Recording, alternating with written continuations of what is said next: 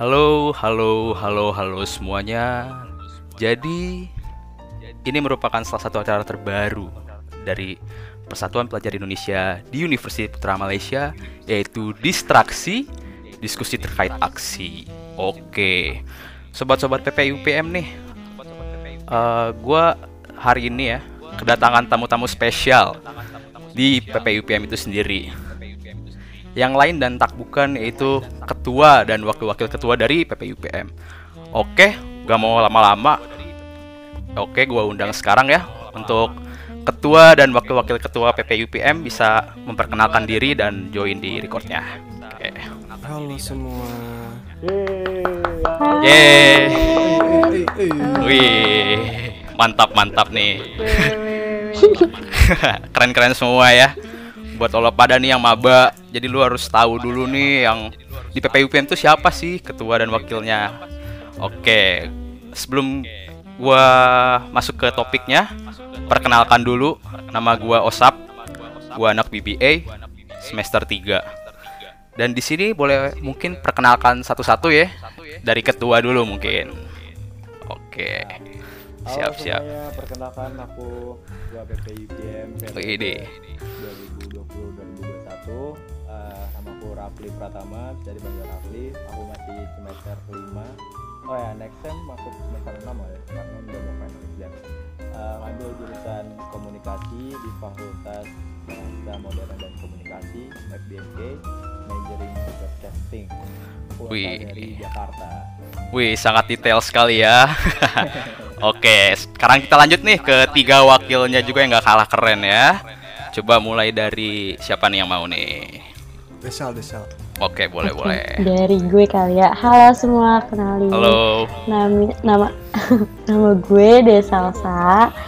Uh, bisa dipanggil Desal. Gue wakil ketua umum 1 PPUPM periode 2020-2021 gue dari Bandung gue ambil jurusan Environmental Science and Technology terus sekarang masuk semester 6 Oke mantap Desal keren-keren Oke lanjut ke siapa nih Rehan Kamutia Oke. Oke Save the best for last ceritanya kan. Asik Eh, halo, nama gue Raihan. Gue major in broadcasting sama kayak Rafli. Angkatannya sama, kelas-kelasnya sama, eh, majoringnya sama, asalnya juga sama dari Jakarta. Eh, apa lagi ya? Itu aja lah ya. Oke mantap sekali dari Rehan ya Wih jam pacarnya dong Bahaya ya Waduh, waduh, waduh. Oke boleh lanjut Selanjutnya Halo semuanya, Halo Tiara di Murti. Uh, kebetulan sekarang lagi nyambung S2 nih di uh, Fakultas Edukasi jurusan Human Resource Development. Sekarang mau ke semester 4 dari Jakarta dong jelas. Tiga dari Jakarta Satu dari Bandung ya kan gue dari Bandung juga Sam Oh Jadi pas. iya. Jadi pas ya, dua versus tiga. Tapi itu gak penting ya kawan-kawan. Oke. baju-baju yang viral Jakarta versus Bandung Nih gue pengen ngobrol sedikit ya, basa-basi dikit aja ya. Kan lu pada nih pada mencar-mencar semua ya. Ada yang di Malaysia, ada yang di Indonesia. Dan gue sama Desa eh, kebetulan di Bandung kan. Nah gue pengen tahu dulu nih sedikit soal corona ya, walaupun misal udah basi. Corona di Malaysia tuh gimana sih? Coba mulai siapa nih yang mau mulai nih? Corona ya. Kayaknya Rafli atau kamu tidak yang bisa jelasin Ya, bolehlah.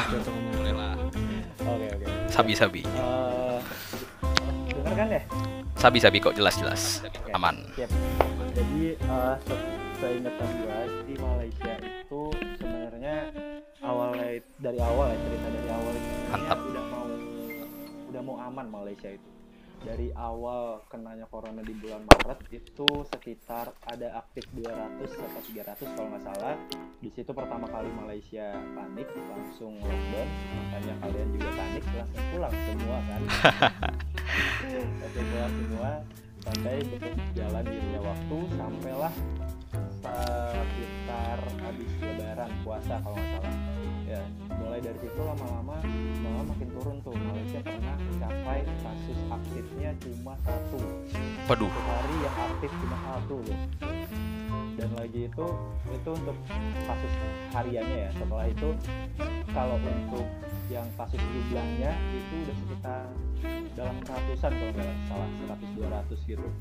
Itu dikatakan udah hampir senang tuh kita ya yang di Malaysia. Oh udah ada harapan nih di Malaysia aman deh kayaknya lama-lama gitu. Eh nggak taunya somehow tiba-tiba makin naik makin naik kan. Ah, makin naik aja. Makanya eh, kita balik lagi ke PKP gitu. Sungguh senang dan memprihatinkan ya. ya turun naik turun Naik turun. Oke, mungkin dari kamu. gitu Oke, Fli. Mantap banget. Coba sekarang dari Kamuti nih. Kan Kamuti juga di Malaysia ya. Gimana nih, Kak? Apalagi kan lu kegiatannya cuma kuliah sekarang-sekarang ini kan ya. Gimana gitu di Malaysia tuh?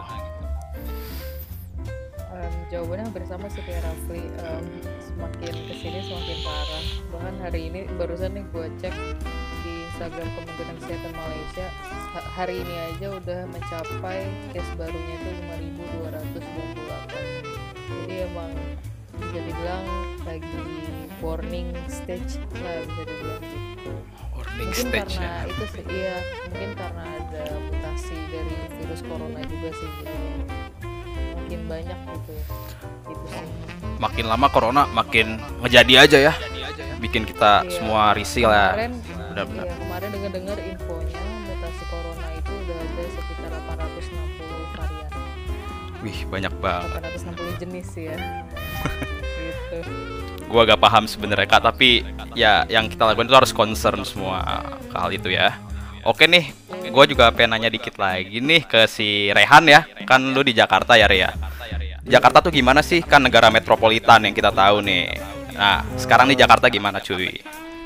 Jakarta gimana ya? Jakarta ya kayaknya sebenarnya tuh case-nya banyak banget dan harusnya diseriusin tapi ya dikarenakan orang-orangnya batu just like kayak probably just like any other place ya orang-orangnya batu gitu ya.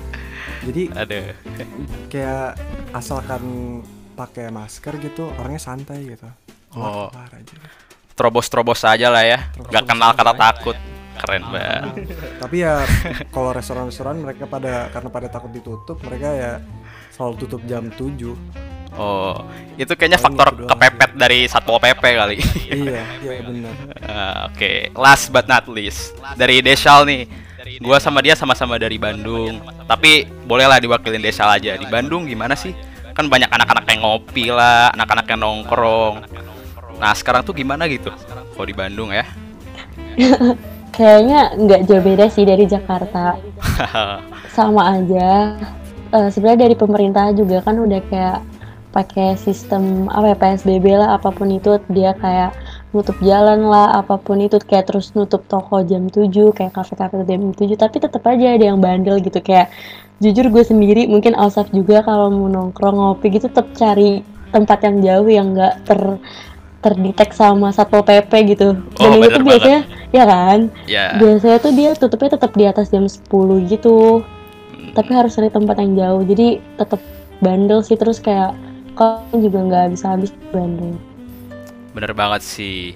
Bener ya dari lo pada semua nih. Emang kalau sekarang nih kita mau keluar aja tuh ada apa ya? Kayak ada pressure sendiri gitu di diri kitanya. Kita mau keluar, kita mau nongkrong salah. Kita keluar mau ngapain beli apa pun salah. Karena apa? Ya karena corona itu gitu.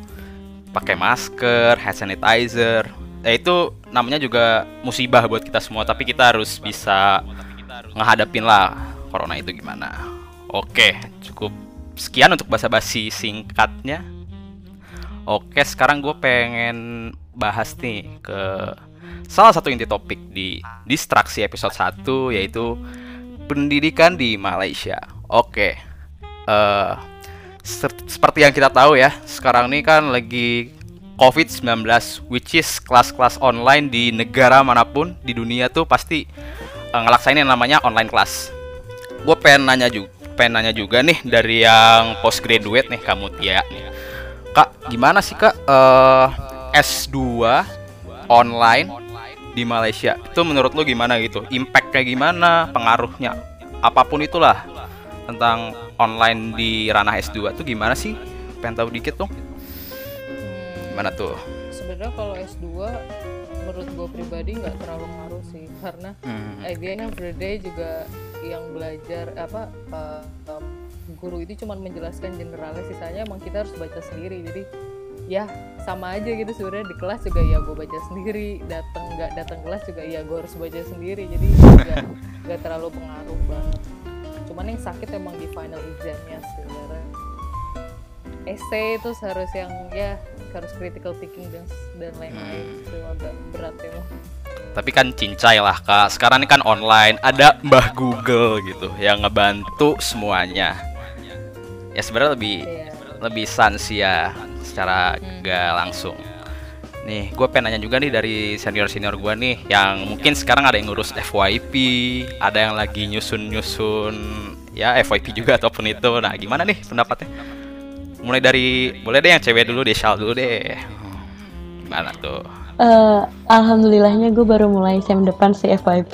Jadi Oh. gue belum belum kepusingan untuk nyusun skripsi kayak Rehan dan Rafli ya. Kalau komunikasi kan dia udah mulai kan. Kalau gue belum. Cuman gue bingungnya adalah eh gue kalau FYP karena gue ngambil teknik kan, Oke. gue harus ada lab gitu loh.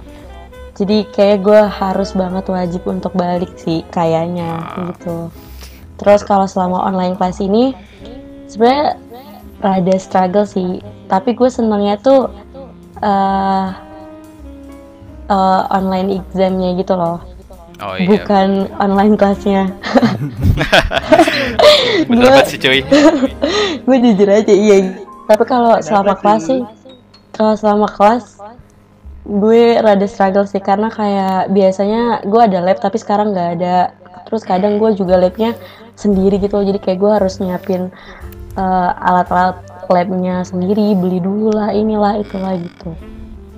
Ya gimana ya namanya juga situasi online ya. Kita juga bisa sih kelas terus kita tinggal tidur gitu kan. Santuy parah. Jadi selalu aja. oke nih last but not least dua jagoan kita ya. Yang kom dari komunikasi nih udah nyusun FYP for your information ya FYP itu final year project. Jadi lu tuh ngurus buat skripsi lah kalau misalnya di di apa ya di Indonesiain gimana nih mulai dari Rehan deh boleh deh boleh boleh boleh. Oke Eh, sabi sabi. gue sih karena semua supervisor kan beda gue sama Rafli itu beda supervisornya. Oke. Em, supervisor Rafli itu kayaknya sangat amat pengertian gitu sama Rafli. Kalau sama gue tuh supervisornya tuh amat, amat gimana ya strict, punya schedule, tapi ya ya gimana harus tuh? gue gue nggak pernah ngerti ya apa tuh FYP tuh kelas-kelasnya harusnya gimana atau dulu kalau nggak apa tuh kalau nggak ada pandemi juga masih online online gini cuma ada apa tuh cuma ada lecture cuma sekali dua kali doang. Tapi ya kita tuh selama kelas FYP lecture cuma sekali dua kali. Abis itu selanjutnya ya harus diurus sendiri gitu. Apa tuh dari chapter 1 sampai chapter 3 sama proposal gitu-gitu. Kayak kemarin harusnya kan submit proposal kan week 13 eh week ya week 13 oke Gua oke. ngasih Senin week 14 wis Santuy, santuy Ya parah ya. cuy. Ya sudah lah ya. Tapi ya gitu aja sih eh, eh sedikit tuh eh, miskom banyak banget tentang Oh. FYP, hal-hal FYP gitu tapi Ah. mungkin itu supervisor gue coba Rafli supervisor anda bagaimana? Coba boleh nih ke Rafli ya. Ya sebelum bercerita mau mau lurusin lagi yang Rehan bilang emang uh, untungnya alhamdulillah gue dapat SP yang baik sih ya. Dia nggak ketat banget gitu. Karena uh, pengetahuan kita ada SP yang ngejadwalin studennya itu tiap minggunya harus update gitu udah sampai mana progresnya. Oke. Untungnya kalau SP gue ini enggak bahkan minggu yang udah waktu submit aja dia nggak ngabarin apa apa di grup gitu. kayak nggak remind ayo mana nih belum dikumpulin udah waktu dikumpulin. Nggak ada. Gue aja submit ke minggu ke selanjutnya. Minggu yang setelah dikumpulin itu minggu, habis minggu dikumpulin minggu depannya itu minggu penilaian gue Oh. submit di minggu penilaian pun masih belum ada ditanyain itu grup Karena kalau gua nggak tahu diri gue masih bisa ngap masih bisa ujung-ujung minggu lagi. Ya. santuy Jadi tapi ya, pasti. Iya santuy. Untungnya santuy sih. Eh, gue nggak tahu sih ya entah dia emang santai tapi nilainya asik atau emang dia itu eh, biarin studentnya atau nganggap studentnya ngajarin secara dewasa gitu terserah lo lo udah tahu eh, apa kewajiban lo apa yang harus lo lakuin gue tinggal nunggu aja. Gue nggak tahu gimana sih nanti hasilnya gimana ya. Ya tapi semoga itu yang terbaik lah. Amin, amin, amin. yang Ya, paling susah sih FYP lagi keadaan kayak gini paling kita susahnya nggak bisa ke library. Oke, bisa ke perpustakaan di UPM gitu buat dari buku nambah-nambah referensi gitu, dan bisa ketemu teman juga. Jadi kalau ya itu susahnya sih karena kalau tiap hari kelas kan ketemu teman bisa sambil ngobrol tuh lu udah sampai mana? Ini gimana sih? Itu gimana sih? Jadi ada aja obrolan tentang FYP ini gitu. Tapi kalau online gini jauh-jauhan gini kita nggak enak gitu mau ngechat eh ini gimana sih? Itu gimana? Takut apa ya, kayak ngeganggu aja gitu lah. Chatnya bener banget sih, Fli. Jadi yang di konser tuh lebih ke sosialnya ya. Eh, kayak susah banget nih komunikasi. Ya dari gua pribadi aja, gua mau kelas nih. Hmm, misalkan teman-teman gua udah join, gua ketiduran. Ya udah, misal gua ke skip setengah jam, ya ya udah kayak teman gua ngingetin, kan ngingetin, ya suka-suka dia gitu. Ya PR di gua aja gitu. Kan nyebelin ya. Harus Bener banget. Tapi ya mau gak mau harus semangat lah ya buat lolo pada nih. Gak cuma di sini, semuanya walaupun online tapi tetap jalan kuliah lu. Jangan nongkrong doang. Ya atau Nah, ngapain? benar. Itu Benar, kayaknya lo nyinggung diri lo sendiri ya, Ustaz ya. Ya secara gak langsung ya. Jangan kayak gitu dong. Bener banget. Oke nih, gue pengen a little bit flashback ya buat lolo pada nih di sini. Kan lolo pada nih udah bisa dibilang ya tahun-tahun akhir lah ya krusial dan Kak Muti mungkin udah masuk ke S2 dan ya udah jenjangnya udah beda lah. Nah, gue pengen tahu juga nih eh, awal mula lo ke Malaysia dan lo pengen ke UPM tuh gimana sih? Sorry ya jadi a little bit flashback karena gue pengen tahu juga gitu buat informasi juga nih buat maba-maba atau ada ada yang pengen masuk ya gimana gitu. Coba mulai dari siapa nih yang mau nih? Coba coba coba. tunjuk tunjuk Tunjuk nih ya. Nih ya gua cilung ya. Tatitut tatitut dari Desal ya. Udah ketawa-ketawa. Oke, dari gue. Oke. Eh, kenapa gue mau masuk UPM? Jadi ceritanya adalah gue tuh cinta mati banget sama ITB dulu. Asik harga mati ya. Harga mati dah pokoknya gitu Parah. kan. Mau nggak mau gue harus masuk ITB gitu di teknik lingkungan karena gue emang pengen di teknik lingkungan. Siap siap. Gue SNM, SBM tuh udah ambil ITB, FTSL, bahkan SNM aja gue ngambil dua pilihan doang. Itu pun FTSL dua-duanya, yang di. Ganesa sama yang di Jatinangor. Nggak masuk juga. Oke oke. Gue dendam tuh dari situ. Pokoknya gue harus nyari kampus yang lebih bagus daripada ITB.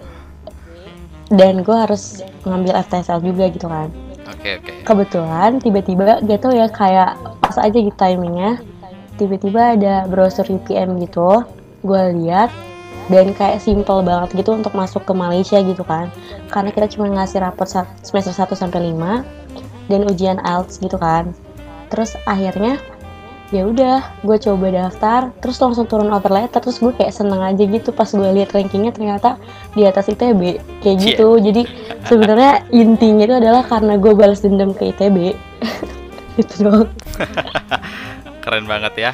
Eh, ya intinya lu gak rugi lah, lu pindah UPM. nah itu betul Oke oke mantap sekali ya dari Desal. Coba gue pengen nih dari yang S2 dulu deh. Kamuti deh, coba-coba gimana Kamuti? Hmm, kenapa gue kenapa gue pengen S2 di UPM ya? Sebenarnya udah nyaman banget sih di UPM. Saya dari satu kan gue di di UPM ya, jadi emang kayaknya gue UPM harga mati, bukan ITB nih UPM harga mati. Alasannya, ini gue mungkin ceritain juga kali ya awal mula gue pengen di UPM nih pertama kali ya satu. Oke boleh boleh. Jadi dari SMA tuh gue punya mindset kayak um, kenapa gue harus ngejar yang kayak kenapa gue harus ngejar yang di dalam negeri kalau di luar negeri aja masih banyak yang bagus. Itu selalu jadi mindset gue jadi kayak teman-teman gue sampai kayak ngulang SBM berapa kali cuma demi universitas negeri. Padahal mereka mampu tuh untuk luar negeri dan segala macam. Terus ya udah Eh, terus nyokap gue nyaranin kak kenapa nggak di Malaysia aja? Jadi sebelumnya tuh gue udah nyoba tuh gue pengen ke Jerman ke Amerika ke New Zealand Wis, keren-keren banget, ke Kak. Malaysia iya. Malaysia terus akhirnya keterima deh. Jadi dulu itu zaman gue dari 2015 eh, UPM itu tuh masih di bawah UI sama ITB terus dalam waktu lima tahun doang nih sampai sekarang udah di atas jauh kan. Bahkan sekarang nomor 4 sehat-sehat. Jadi, jadi kayak kalau gue nggak salah milih nih. Jadi jadi gitu Ada sungguh inspiratif banget lah dari semua semua ini. Oke nih dari ketua kita nih Rafli Pratama kan dia ini boleh di gua denger dikit-dikit kan lu tuh dulu di di Malaysia juga kan SMA-nya, Iya. SMP-nya. Nah, gimana tuh bisa daftar ke UPM tuh? Oke, jadi kalau kalian semua itu UPM atau ITB harga mati, kalau gua itu UPM harga murah. Anjay. Keren-keren. Tapi jangan salah paham, bukan maksudnya sombong aja. Karena dari semua survei yang gua dapat, uh, UPM ini lebih terjangkau daripada yang lain. Oh, Karena iya. sebelumnya itu ada opsi gua ke UM itu 8.000 di MSU 10.000 buat UPM wow Sepuluh ribu tuh sepuluh ribu rupiah atau apa nih, Fli? Kan orang-orang Oh, ringgit ya? Oh, sepuluh ribu rupiah di kuliah di Malaysia semuanya udah berpendidikan. Wih sih, bener-bener. Ya, jadi dari survei harga itu eh, lebih terjangkau ya pertama. Jadi kalau kalau dari ceritanya itu karena ya yang kayak kalian tahu, eh gue udah lama di Malaysia dari 3 S, eh 3 SD udah pindah ke sini gitu. Nah, Oke, jadi, karena mantap, udah itu karena gue ikut ortu di sini kan karena eh, mereka masih di sini ya jadinya gue juga lanjut pendidikannya masih di sini juga.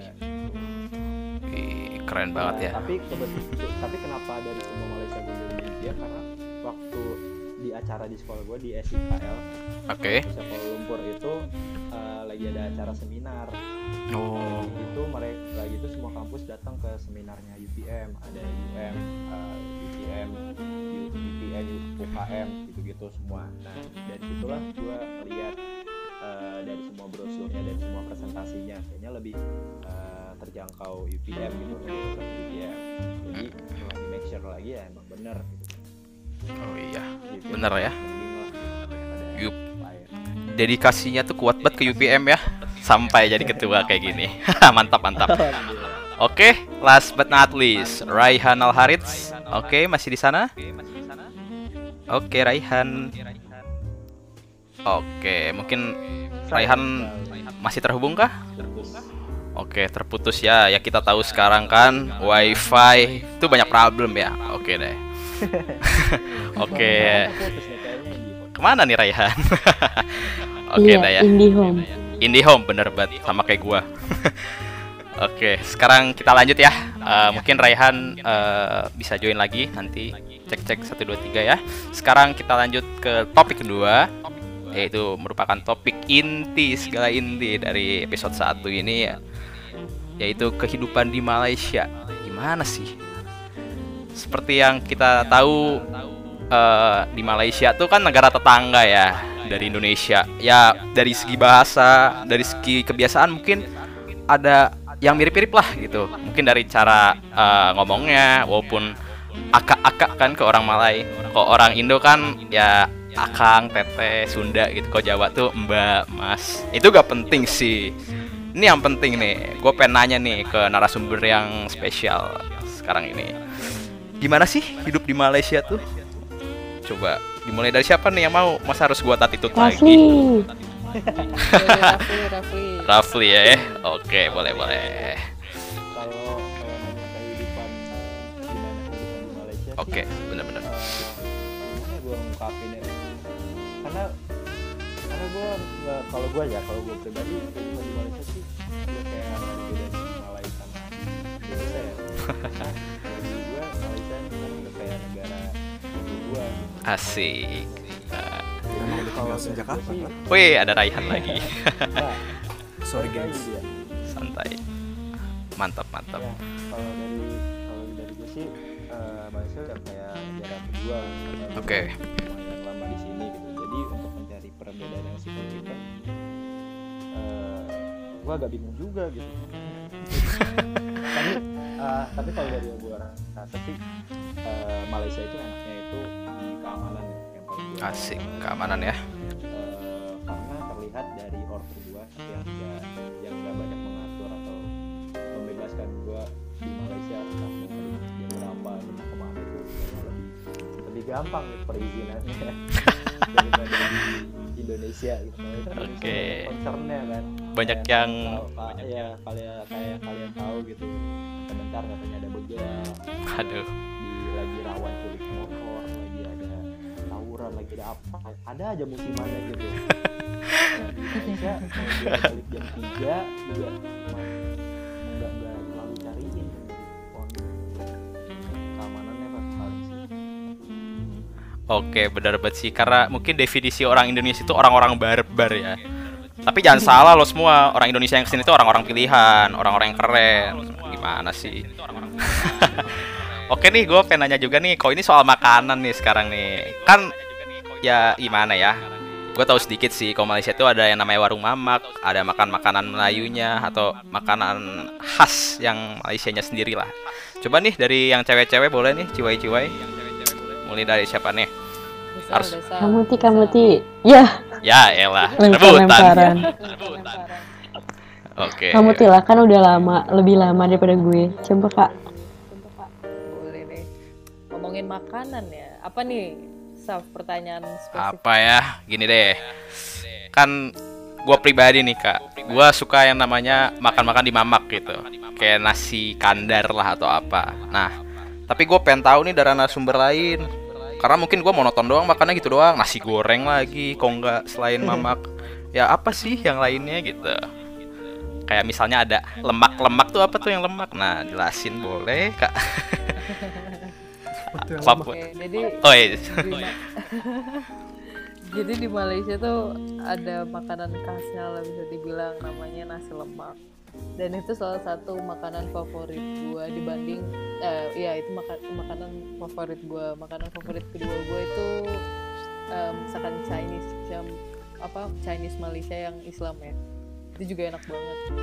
Eh, nasi lemak kalau misalnya mau ngedeskripsi nasi lemak tuh kayak nasinya mungkin hampir sama kayak nasi uduk tapi bukan nasi uduk nggak sih? Hmm, bener-bener. Terus dia ada kayak saus merahnya itu campuran antara manis, asin, gurih, pedes, terus ada kacang-kacangnya, ada ikan bilis atau ikan asin yang kecil-kecil, ada telurnya. Wah bisa dibayangin, bayangin lah rasanya. ini ini ada fun fact nih pertama kali gue coba nasi lemak itu bukan di Malaysia bayangin pertama kali gue coba coba nasi lemak itu di New Zealand Asik. jauh ya maksudnya kayak Jauh-jauh ya. waktu iya waktu waktu gue gue nyobain tuh kayak wah enak juga nih terus ke Malaysia nyobain yang aslinya kayak wah lebih legit yang di Malaysia Parah. dan harganya murah banget Oke, mantap banget nih soal makanan.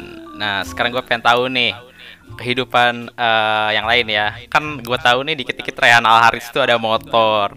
Waduh. Oke, di Malaysia itu. Nah, lu gimana sih, Bro? Eh, Ray, eh, lu transportasi di Malaysia tuh.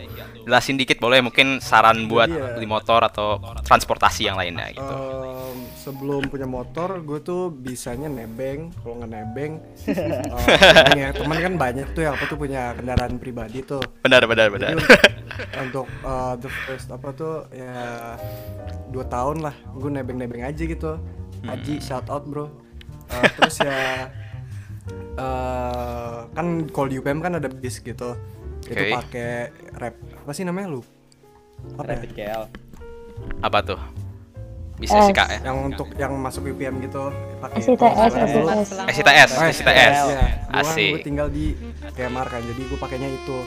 Terus pas gue pindah ke off kampus, ke luar kampus itu gue ya nebeng-nebeng ya kayak gue bilang tadi Grab. Oke. Mahal sih, akhirnya dengan kemahalan itu gue bisa uh, convince orang tua gue kayak, hey ini mahal. Kalau dipikir-pikir lagi, kayak motor di sini tuh murah-murah, jadi mungkin lebih financially responsible. gitu, aduh. Kayak udah ada powerpoint gitu dibilang. Benar, Ini benar. lebih, um, kalau dilihat statistiknya. Oke. Gitu. Terus ya udah abis itu beli motor, eh beli motor dua minggu kemudian balik ke Indo. Aduh. Di Indo. Iya, aduh. Itu nyesek sih. Kasian banget. Nangis bro. Nangis parah ya. Terus udah sih. tapi kalau apa tuh kalau untuk yang gak minat sama sekali untuk apa tuh beli kendaraan pribadi sendiri gue saranin eh, sepeda sih nyari Sepeda, nyari ya. sepeda karena itu sangat amat eh, like you will feel the gitu loh Oke, keren banget nih.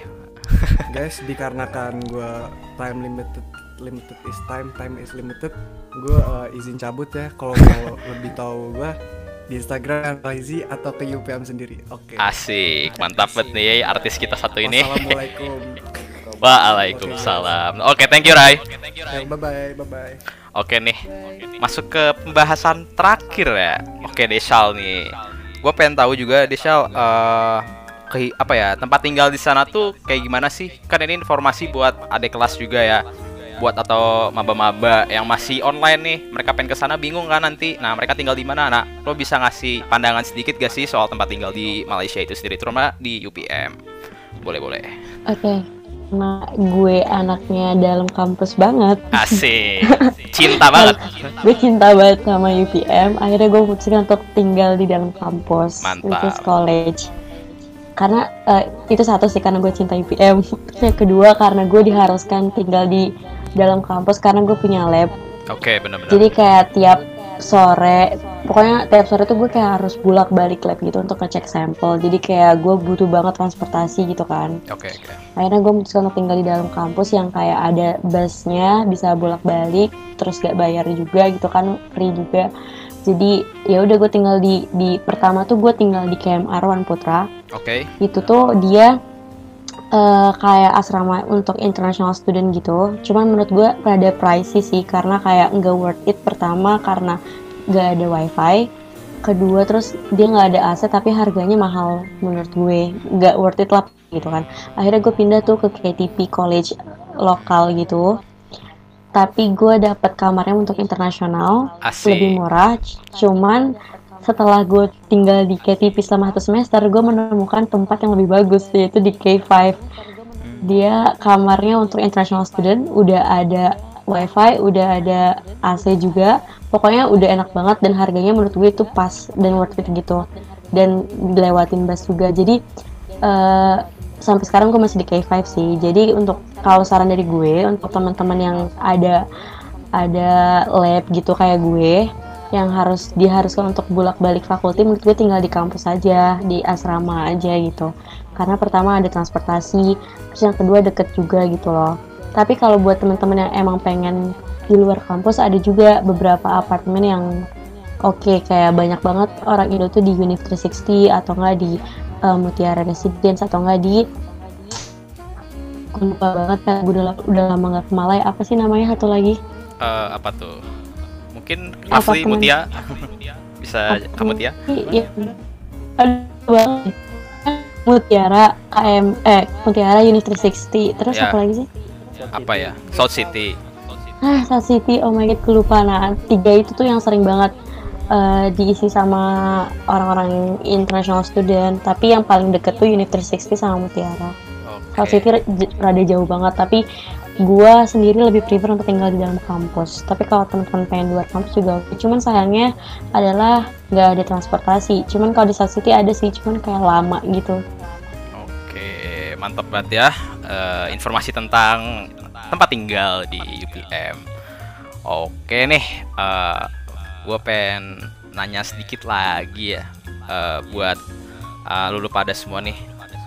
Eh, kesan pesan lu kuliah di Malaysia sampai sekarang, walaupun lu pada belum selesai itu gimana sih? Atau harapan lu gitu, harapan pada gitu. Dan buat adik-adik juga, buat teman-teman juga gimana sih? Buat sobat PP UPM harapannya ya mungkin buat bisa buat eh, kuliah buat bisa PPI gimana ataupun ke depannya gimana gimana coba mulai dari eh, kamu tin dulu deh boleh boleh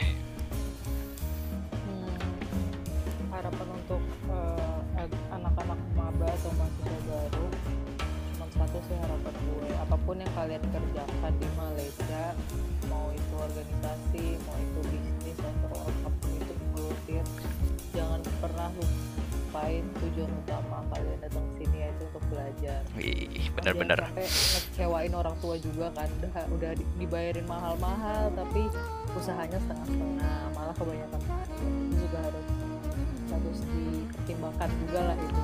Kasihan udah dibiayain segala macam. Itu sih kalau gue Wih mantap banget tuh dengerin lo pada nih Jangan cuma pengen main doang di malah itu Belajar juga Oke nih dari Desal dulu mungkin ya Gimana tuh saran lu? Iya, gue setuju banget sama kamu Ti. Pokoknya pendidikan itu adalah nomor nomor satu Benar-benar gitu. Terus eh, saran mungkin kan tadi kalau kamu ngasih sarannya ke maba ya. Kalau gue sarannya mungkin untuk teman-teman yang masih bingung mau kuliah di mana, gue saranin dari buat teman-teman yang kayak nggak masuk SNM, nggak masuk SBM, daripada lo masuk swasta dalam negeri, mending lo masuk negeri di luar negeri. Menurut gue itu sama aja, tapi lo lebih banyak profitnya kalau lo kuliah di luar. Oke, maka dari itu masuk di UPM Promosin Nah, ke yang itu. lain Betul, betul. Tolong di follow ya Instagramnya. PPUPM. Tuh, buat lo pada follow ya Yang jangan lupa nge-follow no Oke, last but not least Rafli, gimana?